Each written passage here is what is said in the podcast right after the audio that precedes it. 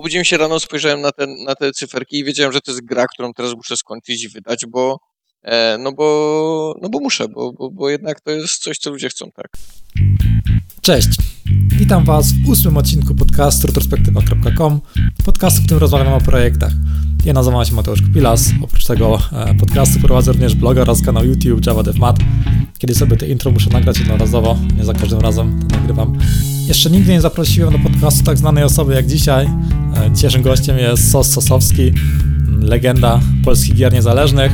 Jeżeli go nie znacie, to znaczy, że nie interesujecie się polskimi grami niezależnymi.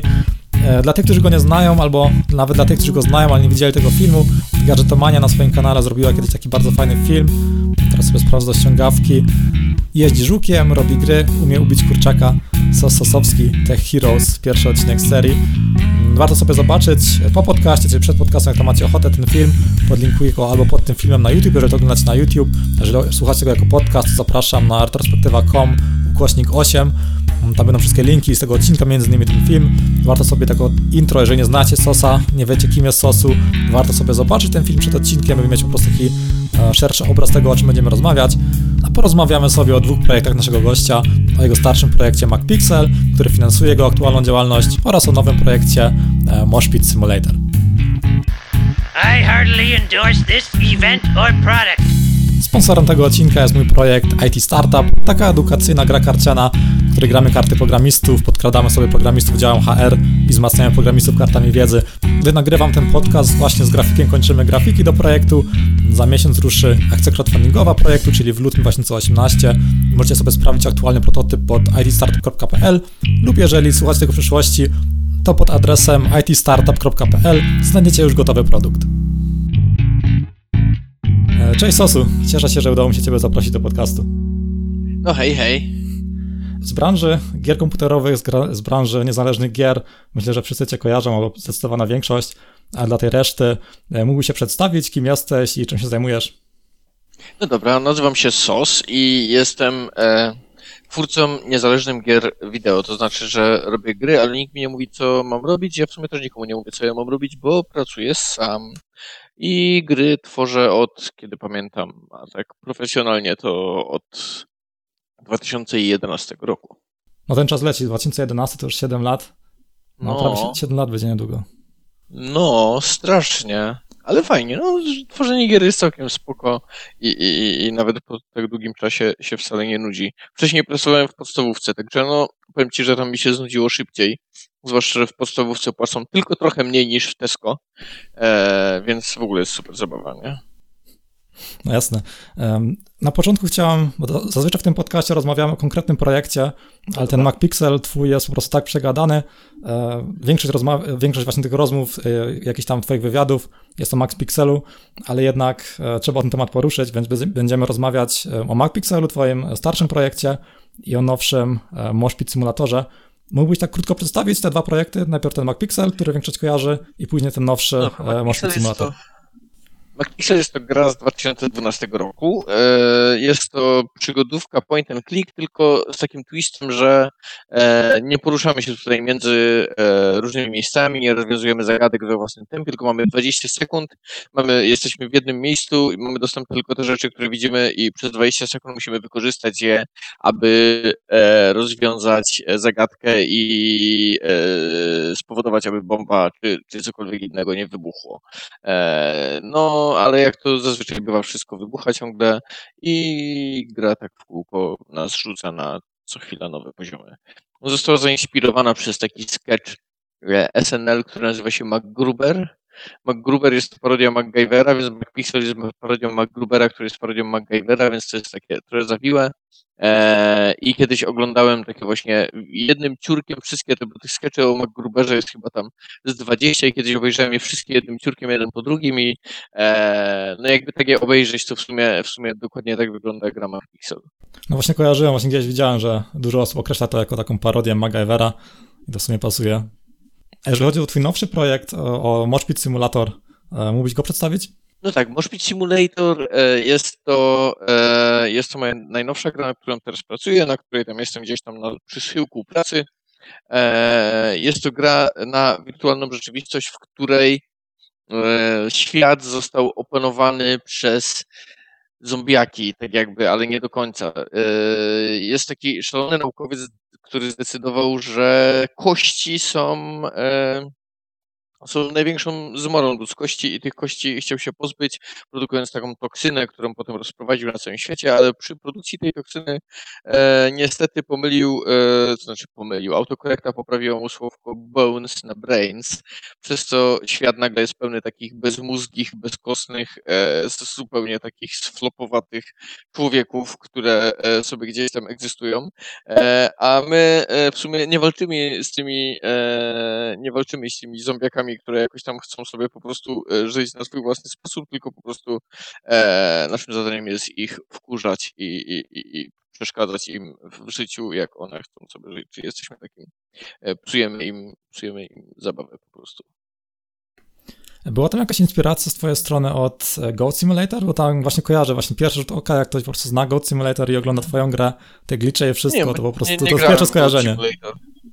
Tak naprawdę nie grałem nigdy w Goat Simulator. Udało mi się kiedyś poznać ludzi, którzy pracowali nad tą grą, ale w sumie nigdy, nigdy nad nią, e, nigdy w nią nie grałem, więc nie wiem na czym ona do końca polega. Wiem, że tam są jakieś punkty i że jest koza i ona ma język i skacze. No też właśnie osobiście nie grałem, ale po prostu widząc, widząc e, trailer, to po prostu to jest, nie wiem, to jest moje pierwsze skojarzenie. E, no tak, no tak. Pewnie kiedyś będę musiał. Na razie w sumie nie chcę z nią grać, żeby, bo jeszcze coś mi się tam spodoba i ukradnę z tej gry, a to tak nie ten, nie fajnie, więc nie będę w nią grał, zrobię swoją grę. Potem pogram. No to w sumie dobrze, bo tak właśnie słyszałem właśnie, że um, cokolwiek robiąc, czy to właśnie pisząc coś, czy tworząc jakąś grę, to nawet tak podświadomie po prostu wszystkie nasze doświadczenia, że to po prostu jest to później, to co tworzymy, no to jest, czy chcemy, czy nie, jakiś taki remix, częściowo zawsze jest to jakiś taki remix tych poprzednich doświadczeń. No tak, no tak. No, e, jak to ostatnio w filmie, który widziałem, który nazywa się Manifesto, e, Kate Blanchett, Kate Blanchett mówiła, nic nie jest oryginalne i, i, i nic nie jest nowe i tak naprawdę nic nie wymyślamy i w sumie nasze mózgi nie działają naszą w taki sposób, że coś wymyślają, tylko składają rzeczy, które znają do kupy na inne sposoby, więc, więc właśnie tak jest. No dokładnie, pisanie książki to jest po prostu e, remix słownika i nic więcej. No tak. E, to przejdźmy do następnego pytania.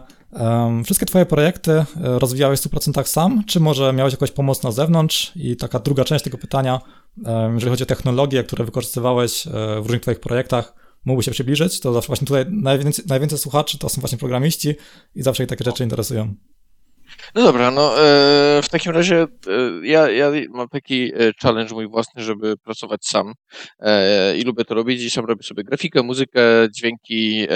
Teraz robię tą grę w trójwymiarze, ale z uwagi na jakby to powiedzieć mm, budżet czasowo asset storowy korzystam dużo z różnych, z różnych assetów z asset stora, które są e, które są zazwyczaj modelami 3D, z uwagi na to, że e, one są tam po prostu strasznie tanie. Ja sobie e, pod podkoloryzuję u siebie, dodam jakąś detal mapę, pozmieniam tekstury, e, potnę trochę na przykład, żeby nie wiem, w samochodzie się drzwi otwierały, bo są niewycięte, e, dodam jakiś rig, dodam jakąś animację, e, poprawię, poprawię teksturkę, coś tam przerysuję, także kupuję jakieś tam tanie asety za dolara, za dwa dolary i je po prostu przerabiam i też robię tak, żeby wyglądały spójnie, żeby nie wyglądały jak, jak przerysowane zupełnie czegoś innego, te różne asety. Hmm.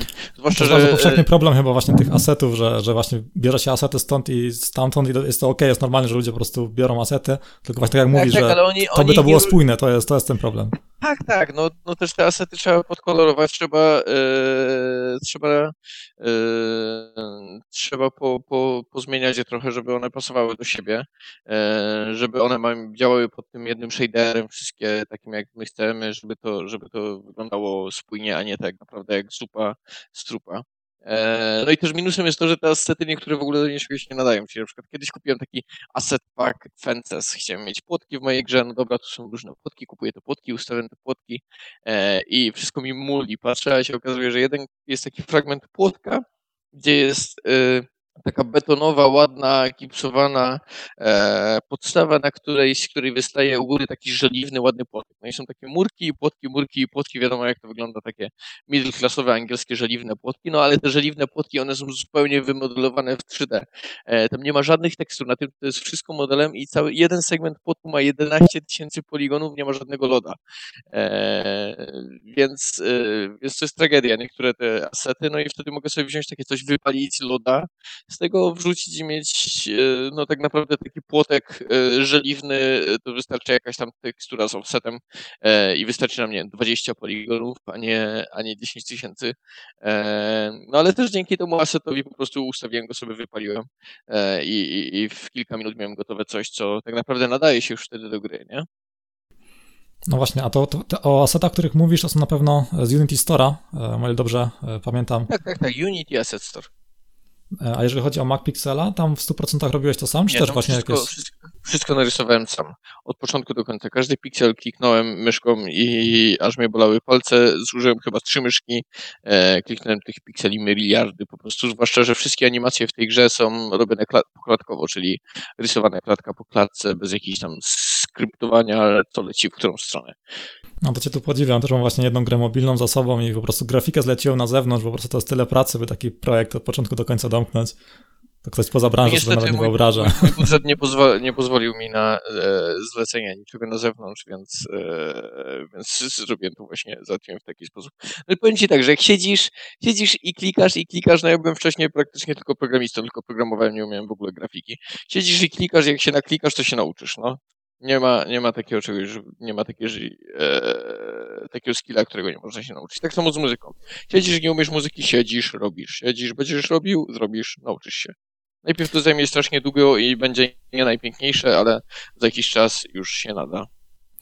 Szczególnie teraz właśnie widziałem nawet takie tutoriale, e, grafika dla programistów, e, po prostu e, graphic design for programmers, coś takiego, takie tutoriale są, gdzie po prostu takimi prostymi, jest parę takich prostych reguł, jak naprawdę można jako programista bez kompletnie talentu, można estetyczną grafikę robić, to jest naprawdę, to da się wszystko wyćwiczyć. Mhm. Mhm. No, ludzie mówią, że, że, że trzeba mieć talent, że coś, a mówią, że trzeba mieć talent, żeby programować, nie wiem, a mówią, że trzeba mieć talent I jak dzisiaj szedłem do pracy, widziałem, jak pan układa kostkę brukową. Te kostki są ułożone ładnie, szybko i nawet zimą i, i nikt nie mówi, że o, to jest urodzony brukarz, na pewno pochodzi z długiej linii ludzi, którzy układali kostki. No nie, po prostu układa kostkę brukową już 20 lat i umie to zrobić szybko, ładnie i sprawnie, tak? Tak samo jak człowiek, który albo taki, nie wiem, na przykład o Fryderyk Chopin, który e, miał talent do grania na pianinie. Tak, nie miał talentu, tylko miał pianino od małego. Jak miał 10 lat, to już 10 lat grał na pianinie. Jak miał 20, miał 20 i jak na przykład spotkamy takiego Chopina i chcemy być e, tacy dobrzy jak on, no to też zaczynamy grać na pianinie, ale za 20 lat on już będzie miał 40 lat doświadczenia, więc nigdy go nie dogonimy. To nie jest jakiś talent, tylko trzeba po prostu robić rzecz, którą się chce nauczyć. Practice makes perfect, tak? Dokładnie, albo, albo wkładamy w to nasz czas, albo pieniądze, zazwyczaj jedno z tych dwóch. No, to nie da się tak, żeby da się włożyć pieniądze bez czasu. Ja ostatnio e, zapisałem się na kurs języka japońskiego, tam trzeba włożyć pieniądze, ale trzeba też włożyć czas, trzeba iść na te zajęcia, trzeba podłubać, e, po, po, po, zgrolić po japońsku, żeby się nauczyć tych krzaków wszystkich. E, no i jednak trzeba to systematycznie robić. Jak się tego nie robi, to się nie nauczy. No dokładnie, takie, takie kursy to może jedynie motywuje, bo tak już słyszałem, że ludzie na przykład na kursy programowania jak idą, e, że ich to bardziej motywuje, o, że teraz wyłożyli jakąś tam kasę z własnej kieszeni i że teraz, teraz im się faktycznie chce ruszyć, bo jakąś tam kasę po prostu mają zainwestowaną i się boją tego stracić, że często właśnie takie no kursy to jest taka motywacja. Ale tak generalnie się zgadzam z tym, co gadasz. To... Kursy, kursy programowania Unity, które kosztują na przykład 10 tysięcy złotych albo 3 tysiące złotych, czego oni to muszą? Czego oni mogą nauczyć, czego nie ma w internecie, gdzie jest wszystko po prostu? Dla mnie to jest trochę, trochę paranoja. No tak, no, no warto, jest, warto jest zainwestować, żeby, żeby mieć motywację, ale też nie warto jest inwestować, e, myślę, 10 tysięcy w kurs Unity, które e, jak, zanim te pieniądze się zwrócą, może już nie istnieć w ogóle, nie? No dokładnie, to jest takie, takie, taka bardzo dyskusyjna sprawa. Te kursy to w sumie temat na osobną audycję, myślę. A jeżeli chodzi o, o technologię, właśnie ta druga część tego pytania, jakie technologie wykorzystywałeś w przypadku MacPixela i jakie w przypadku e, Moshpit Simulator? MacPixel z uwagi swojego wieku jest zrobiony we Flashu, jak wszystkie gry z tamtego okresu i, i nawet niektóre teraz. Do grafiki używałem taki program, nazywa się Graphics Gale. Graphics Gale to jest jakbyś wziął Photoshopa i Painta i je łączył ze sobą. To jest e, taki zwykły program do rysowania, w którym rysujemy jak w Paincie, piksel po pikselu, e, ale mamy warstwy i mamy klatki. Więc dzięki temu jest idealnym, idealnym narzędziem do jakichkolwiek animacji pixelartowych. Teraz dużo ludzi używa Access Sprite, Access Sprite, Access Sprite, coś takiego, to się tak nazywa. Mnie to nigdy nie przekonało, ja, ja tu jestem wierny Graphic bo jednak, jednak działam w nim tak długo i, i, i odbywa się to całkiem szybko. Muzykę tworzę w programie, który nazywa się FL Studio. Wiem, że jacyś tam moi profesjonalni bardziej e, twórcy muzycy, muzyki i przyjaciele Używamy ją Abletona, jednak Ableton kosztuje jakieś 600 dolarów, a FL Studio kosztuje 99 e, w takiej najprostszej edycji, która nadaje się absolutnie do tego, do tego, do czego jest potrzebna. E, do, no i do kodowania używałem Flash Develop i, i, i Adobe Flash Flex, który jest zupełnie darmowy. E, to było, no, to było przy MacPixelu. Tak. Aha, jeszcze do dźwięku używam Adobe Audition, CS6, no tego musiałem jednak kupić, tam chyba on 400 wtedy kosztował. Eee, Jeżeli ale, chodzi o, o, język programowania, właśnie w tym Flashu, e, z tego co kojarzę, tam był ActionScript, tak? 3. Tak, tak, tak. Całkiem przyjazny język, bardzo fajny. Trochę taki jak JavaScript, tylko fajny. No tak właśnie kojarzyłem, że to jest właśnie coś takie około JavaScriptowe. No tak, tak. A teraz e, przy Moshpit Simulatorze, no używam Unity, więc programuję sobie w C-Sharpie, e, piszę sobie shadery w Shader Labie i E, rysuję, e, rysuję 3D w takim programie, który nazywa się Wings 3D. Wings 3D jest to edytor 3D dla ubogich programistów, którzy nie mają pieniędzy ani skilla. I, a tekstury robię, tekstur w sumie nie robię, bo je tam kradnę sobie i poprawiam tylko. I poprawiam je w tym Graphic Scale'u też, bo mi się nadaje do tego jednak. No też uważam właśnie takie narzędzia, że tak nie zawsze warto właśnie inwestować w takie najdroższe, że tak naprawdę jest wiele takich właśnie darmowych, byle ważne, najważniejsze jest, żeby z tego po prostu potrafić korzystać i, i tak naprawdę no, wszystkim można jakiś tam efekt osiągnąć. Nie zawsze musi to być właśnie Photoshop. No tak, pewnie, pewnie. E, miałem właśnie zapytać w następnym pytaniu e, o narzędzia, z których korzystasz, ale ty już sporo, sporo o sumie powiedziałeś. E, jedynie może, jeżeli chodzi o coś do planowania projektu, nie wiem, coś typu Jira czy Trello, mm, korzystasz z czegoś takiego, czy, czy raczej nie? Nic jak jestem sam, to wystarczy zapiszę sobie na kartce papieru, e, zanim wyjdę z pracy, na czym skończyłem i co mam robić rano. A masz, a masz może coś w rodzaju jakiegoś takiego roadmapu? Na przykład też jak jakiś projekt, jak całkowicie sam nad tym pracuję, to faktycznie też często właśnie nie mam jakiegoś takiego narzędzia, ale na przykład lubię sobie mieć taką, taką dużą tablicę, mam na ścianie i tam sobie taki roadmap, takie, takie największe cegiełki robię. Coś takiego mniej więcej robisz, czy zazwyczaj tak jak mówisz, że tylko e, piszesz na czym skończyłeś i następny dzień pracujesz dalej? Mm, dokładnie tak jak mówisz. Na następny dzień piszę na czym skończyłem i na następny dzień zaczynam od tego miejsca i robię dalej. Jeżeli chodzi o ile czasu poświęciłeś na te wszystkie, na te projekty um, i po prostu twoje pozostałe koszty oprócz, oprócz twojego czasu, um, ile, ile to, jak to było w przypadku MacPixela i jak to jest teraz e, z Moshpit e, symulatorem? Ile czasu poświęciłem? Znaczy tak, ile, ile mniej więcej pracowałeś nad tymi projektami, ile pracujesz nad e, aktualnym projektem i kiedy mniej więcej spodziewasz się skończyć i jakie są twoje koszty oprócz czasu? No oprócz czasu nie mam praktycznie kosztów, żeby e, zjeść, mieszkać i ewentualnie pojechać na jakąś konferencję, to jest ekstra koszt. Mm, nad MacPixelem pracowałem trochę ponad rok, nie, trochę po, prawie równo rok, a nad moim obecnym projektem pracuję półtora roku i zaraz kończę. A tak swoich doświadczeń właśnie z tym VR-em, jest to dużo więcej pracy, czy Unity ma takie wsparcie, że tylko robisz compile for virtual reality i już, już miga? No, ale, ale ciężko do czegokolwiek porównać. To jest zupełnie inna praca. Praca nad wirtualną rzeczywistością, praca nad grą 3D i praca nad grą 2D to są trzy zupełnie inne rzeczy. E, I nie ma ich do siebie jak porównać. To jest po prostu zupełnie inna praca, którą robi się zupełnie inaczej. Okej, okay, rozumiem, czyli um, jeżeli masz taką normalną grę 3D i virtual reality, to nie jest to tak łatwo, do, łatwo porównać. No tak, no, no tak samo jakbyś się kogoś pytał, czy zrobić grę 2D jest trudniej czy, niż grę 3D. E, nie wiem, czy grałeś na przykład w taką grę, która ostatnio wyszła 3D i nazywa się Strafe. E, nie. Jest Strafe, to jest taki najlepszy shooter roku 1996. Oni się tak reklamują. Jest to gra, która wygląda jak Quake. Gra, która wygląda jak pierwszy stary Quake i jest to taki e, strzelanka, który jest takim rogalikiem trochę. No i, no i wygląda jak Quake z 96 roku. Kojarzysz Quake'a? No, no jasne. a, kojarzysz, a kojarzysz na przykład taką grę Rayman Legends? E, tak. No, no to Rayman Legends jest grą 2D. Myślisz, że było ją prościej zrobić niż e, grę, która wygląda jak Quake? No to faktycznie takie dwa projekty, które trudno porównać. No pewnie, no pewnie. W ogóle, w ogóle ani, ani nie, i, I w wirtualnej rzeczywistości to, to samo, bo tworzymy tę grę zupełnie inaczej. Kiedy człowiek zakłada gogle na głowę, e, to ta interakcja ze światem mm, jest zupełnie inna niż, niż w takim zwykłym zwykłym sposobie grania. Te, e, zazwyczaj na przykład w grach wideo, w, tym bardziej w strzelankach, jakieś tam korytarze, przejścia i tak dalej, one zawsze są szerokie, żeby dało się wejść drzwi, e, żeby to dobrze wyglądało, gdzie ten field of view jest jakoś tam zaniżony, e, to to wszystko jest szerokie, wszystko jest trochę za duże, wszystko jest takie nadmuchane. Jeżeli zrobimy to samo w wirtualnej rzeczywistości, to wszystko będzie wielkie i puste, zupełnie bez sensu. E, I znowu w wirtualnej rzeczywistości wszystko zmniejszamy do rozmiaru 1 do 1. I staramy się jak najbardziej wszystko robić 1 do 1, wtedy to wygląda dobrze.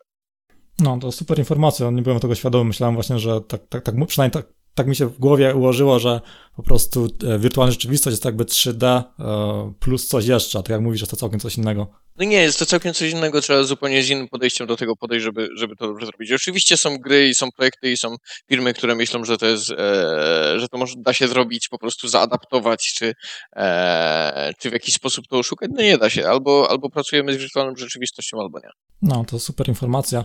E, a jeżeli chodzi o, o finansowanie projektu, bo na przykład z tego, co właśnie oglądałem twój film, który był właśnie z tym żukiem i wszystkim, i tam była właśnie informacja, że MacPixela sfinansowałeś tak, że po prostu za grę przeglądarkową dostałeś kasę, tam było to chyba 8 tysięcy dolarów. No tak, i, i zrobiłem, zrobiłem na MacPixela i zrobiłem MacPixela, a teraz zrobiłem na MacPixelu i robię następną grę. Zrobię na mhm. grze i zrobię następną grę. no, to, to właśnie była moja druga część pytania, że właśnie, że aktualną, aktualną działalność finansujesz po prostu z tym, co MacPixel zarabia. Tak. No, to jest chyba właśnie taki, taki idealny, idealny, idealny stan, w którym chcemy być, po prostu nasz poprzedni projekt właśnie jako, jako ten no, e, ja będąc jednym człowiekiem nie mam absolutnie dużych wymagań. Muszę zjeść, wypić, mieszkać, pracować e, i, i pojechać na konferencję raz po raz i to jest wszystko. I to jest, to jest bardzo mały koszt. E, czasami muszę sobie dokupić część do komputera i to jest wszystko w sumie. No to super, tu, tu myślę, tu, tu może ci dużo osób pozazdrościć. E, czyli nie musisz jakiejś dodatkowej pracy wykonywać po, poza po prostu e, tworzeniem gier na pełny etat? Absolutnie. No to super, to gratuluję Ci. Naprawdę dużo osób chce coś takiego osiągnąć. Mm, jeżeli chodzi o reklamowanie projektu, dotarcie do odbiorców, Masz jakieś stałe sposoby, czy po prostu e, tworzysz właśnie coś, co jest, e, dostaje się taki jakiś viral i ma to później zasięg w internecie, czy, masz, czy masz może jakieś takie inne sposoby, e, by reklamować swój projekt, dotrzeć do odbiorców? No, nie mam jakichś sposobów, żeby reklamować projekt i dotrzeć do odbiorców. Oni albo chcą grać w moją grę, albo nie, nie będę, nie będę płacił za reklamę, żeby ktoś koniecznie zagrał w moją grę, bo to jest bez sensu. Albo, albo ktoś chce w nią zagrać, albo, albo nie chce. Mhm. A piszesz może coś takiego jak press release, taką, taką no, notkę tak, prasową, tak, którą... oczywiście, no to są, to są podstawy marketingu. Eee, trzeba, trzeba skontaktować się z prasą, trzeba im dać zagrać, trzeba im dać press release, trzeba im dać ten press release wcześniej, trzeba im dać jakieś embargo, żeby oni wypuścili tę recenzję przed tym, trzeba, e, trzeba wrzucić tweeta, trzeba wrzucić na Facebooka, trzeba E, trzeba szerować też inne gry oczywiście, bo, bo, bo, bo jako indyk, e, jako indyk wspomagamy inne projekty, a inne, inni ludzie wspomagają nas jesteśmy wszyscy jedną wielką rodziną, bo tak naprawdę e, nikt w branży gier nie jest sobie, że tak powiem, e, konkurencją, tak? Bo to nie jest tak, że ktoś kupi naszą grę albo nie kupi innej. Jak idziemy do sklepu i ktoś kupi albo naszą kiełbasę, albo inną, no bo zje jedną kiełbasę, nie tak? E, ale jednak jak pokazują statystyki, ludzie kupią obie gry, jak obie gry im się podobają, a nie będą wybierać A albo B. No to właśnie słyszałem właśnie, że właśnie te notki prasowe to jest taka podstawa social media i tak naprawdę jak mamy dobry produkt, z tymi notkami prasowymi zrobimy do, e, dobrą robotę, to później to już jakoś często idzie. Mhm. Um, jeżeli chodzi o właśnie... Nawet tymi... to zrobić dobrą grę, tak jak zrobimy dobrą grę, to, e, to reszta jest z górki już potem. Jeszcze o tych notkach prasowych, bo właśnie jako taki, jak jesteś nieznany w tej branży, no to trzeba to tam wysyłać całej liście. Masz taką listę stałą, której wysyłasz to, czy raczej to jest tak, że ludzie o ciebie pytają i proszą, i proszą się o tą o tą datkę prasową? Nie mam jakiejś stałej listy. Zazwyczaj wchodzę na Metacritic, patrzę, kto zrobił podobną grę do mojej i dał jej dobre oceny, e, kto dał dobre oceny grze, która jest podobna do mojej i piszę do tych ludzi, bo e, spodobała im się gra, która jest podobna do mojej. No to w sumie bardzo, bardzo fajna metoda. Myślę, że to gdzieś tam zaznaczę e, w tym podcaście jako, jako jedna z tych rad. Mm, jakie były Twoje oczekiwania wobec projektu, wobec Max Pixel? Oczekiwałeś, że to osiągnie tyle, co osiągnęło, czy raczej, raczej było to kompletnie niespodziewane? E, nie, zupełnie. Chciałem zrobić grę, żeby zarobiła na to, żebym zrobił następną grę. Mhm, a teraz w przypadku, a teraz w przypadku e, nowego projektu masz tam mniej więcej w głowie jakąś liczbę, w ilu sztukach to może w jakimś czasie sprzedać, czy też jest to kompletnie takie na czuja? No tak, ja bym chciał sprzedać tysiąc kopii mojej gry. No to właśnie jak jesteś tak e, jednoosobowym studiem, to jest właśnie fajne, że właśnie nawet sprzedając tysiąc kopii, już jest to dla jednej osoby naprawdę no, solidny zarobek, że można sporo znowu właśnie popracować. Podobnie miałem właśnie sam, samodzielnie wydałem książkę i po prostu sprzedałem tysiące sztuk i po prostu bez wydawnictwa i to też pozwoliło mi na masę miesięcy pracy, po prostu nie muszę później e, zarobkowo nic innego robić, że właśnie to, to jest właśnie fajne, jak robić coś samodzielnie, że naprawdę nie trzeba jak jakieś studio sprzedawać milionów kopii, by, by po prostu być rentownym. Pewnie, sprzedam, tak jak mówię, sprzedam tysiąc kopii i, i, i, i to mi wystarczy, żeby, żeby pracować dalej na przykład przez, nie wiem, tam pół roku zrobić nową grę, albo, albo jak sprzedam dwa tysiące, to już w ogóle no to jest urok indyków, że po prostu można, można wejść w kompletną niszę, gdzie właśnie sprzedałem parę tysięcy sztuk i to już, już wystarcza. Mm, jeżeli chodzi o największe e, błędy w, w Twoich projektach, nie tylko te techniczne, ale też jakieś decyzje biznesowe czy porzucone pomysły, gdybyś mógł wymienić, może nie tylko w tych dwóch projektach, ale generalnie Twoje największe błędy jako indie game developer? Nie wiem. Nie wiem. No bo tak właśnie słyszę tak często taką, taką mantrę e, jako, jako game developer, że najważniejsze to jest e, fail quickly, po prostu prototypować i szybko po prostu sprawdzać, czy coś, czy coś po prostu E, się ludziom podoba i nad tym później właśnie iterować. E, I często właśnie ludzie e, z game devu mówią właśnie, że za, wzięli pierwszy pomysł, który mi się spodobał, pracowali nad nim i się okazało, no, że może, że, że żałują, że na przykład dłużej nie, proto, nie, nie prototypowali jakiegoś pomysłu. Miałeś coś podobnego może, że po prostu myślałeś, może bym dłużej poprototypował i nie pracował nad tym tyle, czy zawsze według ciebie była to dobra decyzja, że pracować nad tym projektem, który teraz wybrałeś? To jest dobra decyzja, żeby pracować nad projektem. Jeżeli ja E, kiedy zacząłem nad nim pracować, po go pierwszej godzinie pracy zrobiłem GIFa, którego wrzuciłem na Twitter, gdzieś tam na Reddit i ten GIF zyskał 4 miliony wyświetleń w przeciągu pierwszych 24 godzin to nie wiem, czy było sens dalej prototypować jednak. No, o to, o to, mi właśnie chodziło, że trzeba znaleźć jakąś wczesną walidację, zanim po prostu poświęcimy w projekt, e, teraz nie wiem, poświęcimy tysiąc godzin i no wtedy tak, dopiero pokażemy pierwszego gifa. Obudziłem się rano, spojrzałem na, ten, na te cyferki i wiedziałem, że to jest gra, którą teraz muszę skończyć i wydać, bo e, no bo, no bo muszę, bo, bo, bo jednak to jest coś, co ludzie chcą, tak. No, to super, czyli już, już po pierwszej godzinie pracy e, wrzuciłeś jakiegoś gifa, by po prostu sprawdzić, czy po prostu ma to, czy to się po prostu podoba. Tak, tak. Aktualnie e, gify na Twitterze gdzieś tam w ogóle miały ponad 10 milionów wyświetleń. No to jest właśnie dobry, dobry znacznik tego, czy po prostu się pomysł przyjemnie. A miałeś kiedyś coś takiego, że właśnie nie pokazywałeś od razu tego, nad czym pracujesz, tylko po prostu tak się zamykałeś w piwnicy, dubałeś, dubałeś i się bałeś to pokazać? Bo to właśnie dużo no tak, takich... Pixele nie pokazywałem dużo, bo, bo, bo tam jednak jakbym pokazał dużo, to bym pokazał wszystko bardzo szybko. To, to w ogóle była po, e, po Game Jamie chyba gra, z tego co kojarzę, tak? To tak, pozna... tak na Game Jamie się przyjęło, a później dopiero zacząłeś to szlifować i dopracowywać. Mhm. No, czyli prosty wniosek. Robić szybko prototyp, coś pokazywać i jeżeli ma to jakieś tam wzięcie w mediach społecznościowych, to jest to znak, że warto, warto temu poświęcić więcej czasu.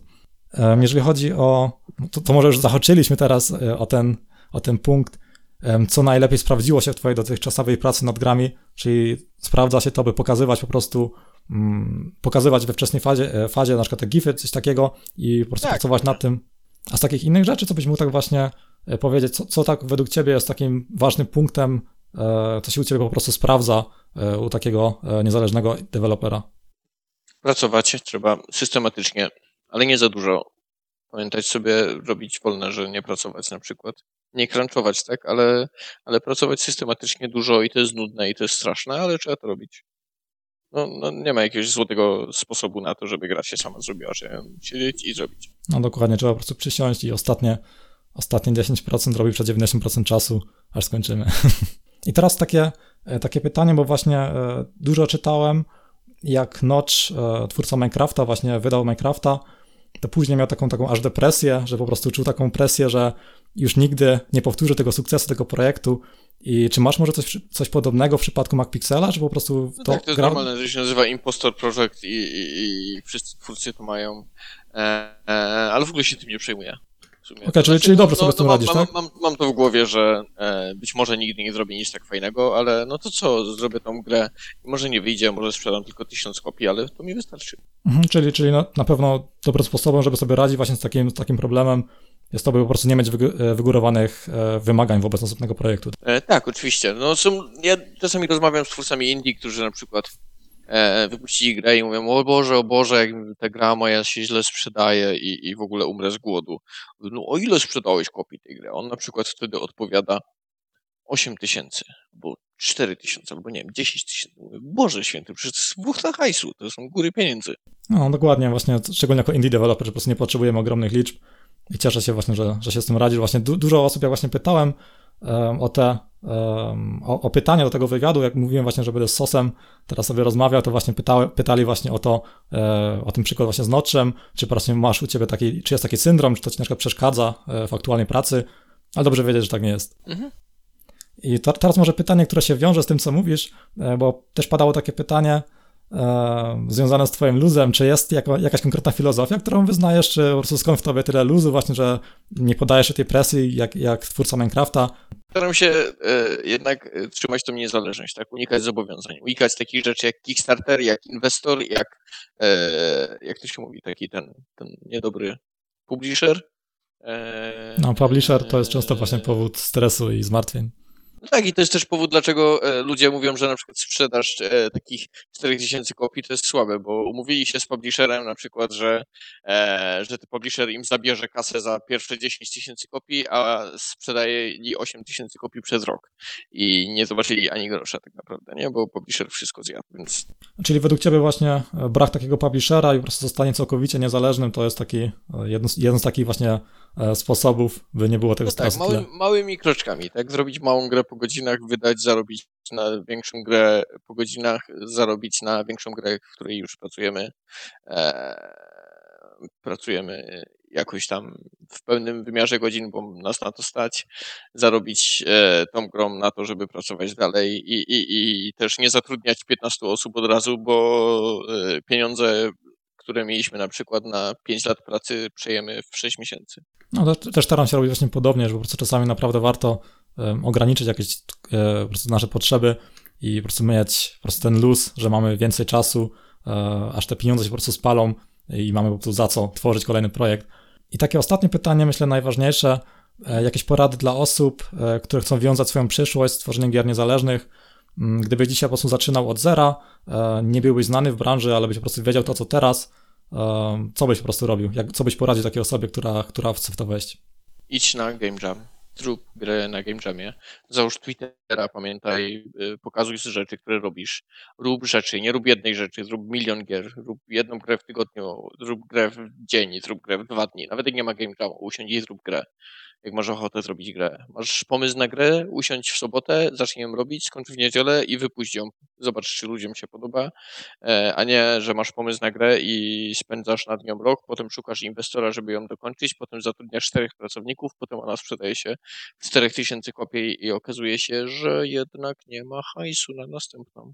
Więc lepiej zrobić ją samemu, zrobić ją brzydką, ją nieładną i może w nią zagrać 4000 osób, a może zagra w nią 100 osób. I jak zagra w nią 100 osób i każda zapłaci za nią 5 dolarów, to jest 500 dolarów, a 500 dolarów to jest ile? 2000 złotych. A 2000 złotych to jest miesiąc roboty i mamy cały miesiąc, żeby zwolnić się z pracy i zrobić następną grę. I pracując przez miesiąc, robimy grę, wypuszczamy ją, a może zagra w nią 1000 osób i jak 1000 osób da 10 dolarów, to jest ile? 10 tysięcy dolarów. 10 tysięcy dolarów to jest dwóch hajsu. No w sumie mam podobne podejście do wielu rzeczy.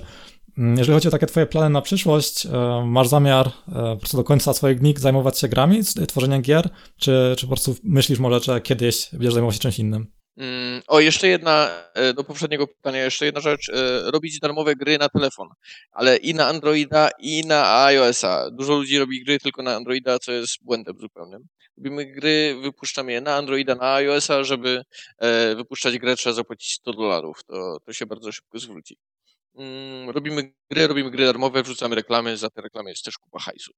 No z tego co słyszałem, właśnie taki, robienie takich gier e, z reklamami, mm, że właśnie tutaj warto się skupić. E, jest coś takiego jak optymalizacja do wyszukiwań e, właśnie w tych Google Playach i tak dalej, że po prostu jak mamy dobrą grę i ma to dobre oceny i po prostu wpadnie to na jakieś keywordy, jak po prostu nasze granie nazywa się jakoś tak generalnie typu krzesło, tylko was w tytule ma jaki to jest typ gry i tak dalej, że to po prostu dobra ocena gry, czyli dobra jakość gry plus jakieś tam słowa kluczowe, e, że to jest taki właśnie e, klucz, który może sporo osiągnąć.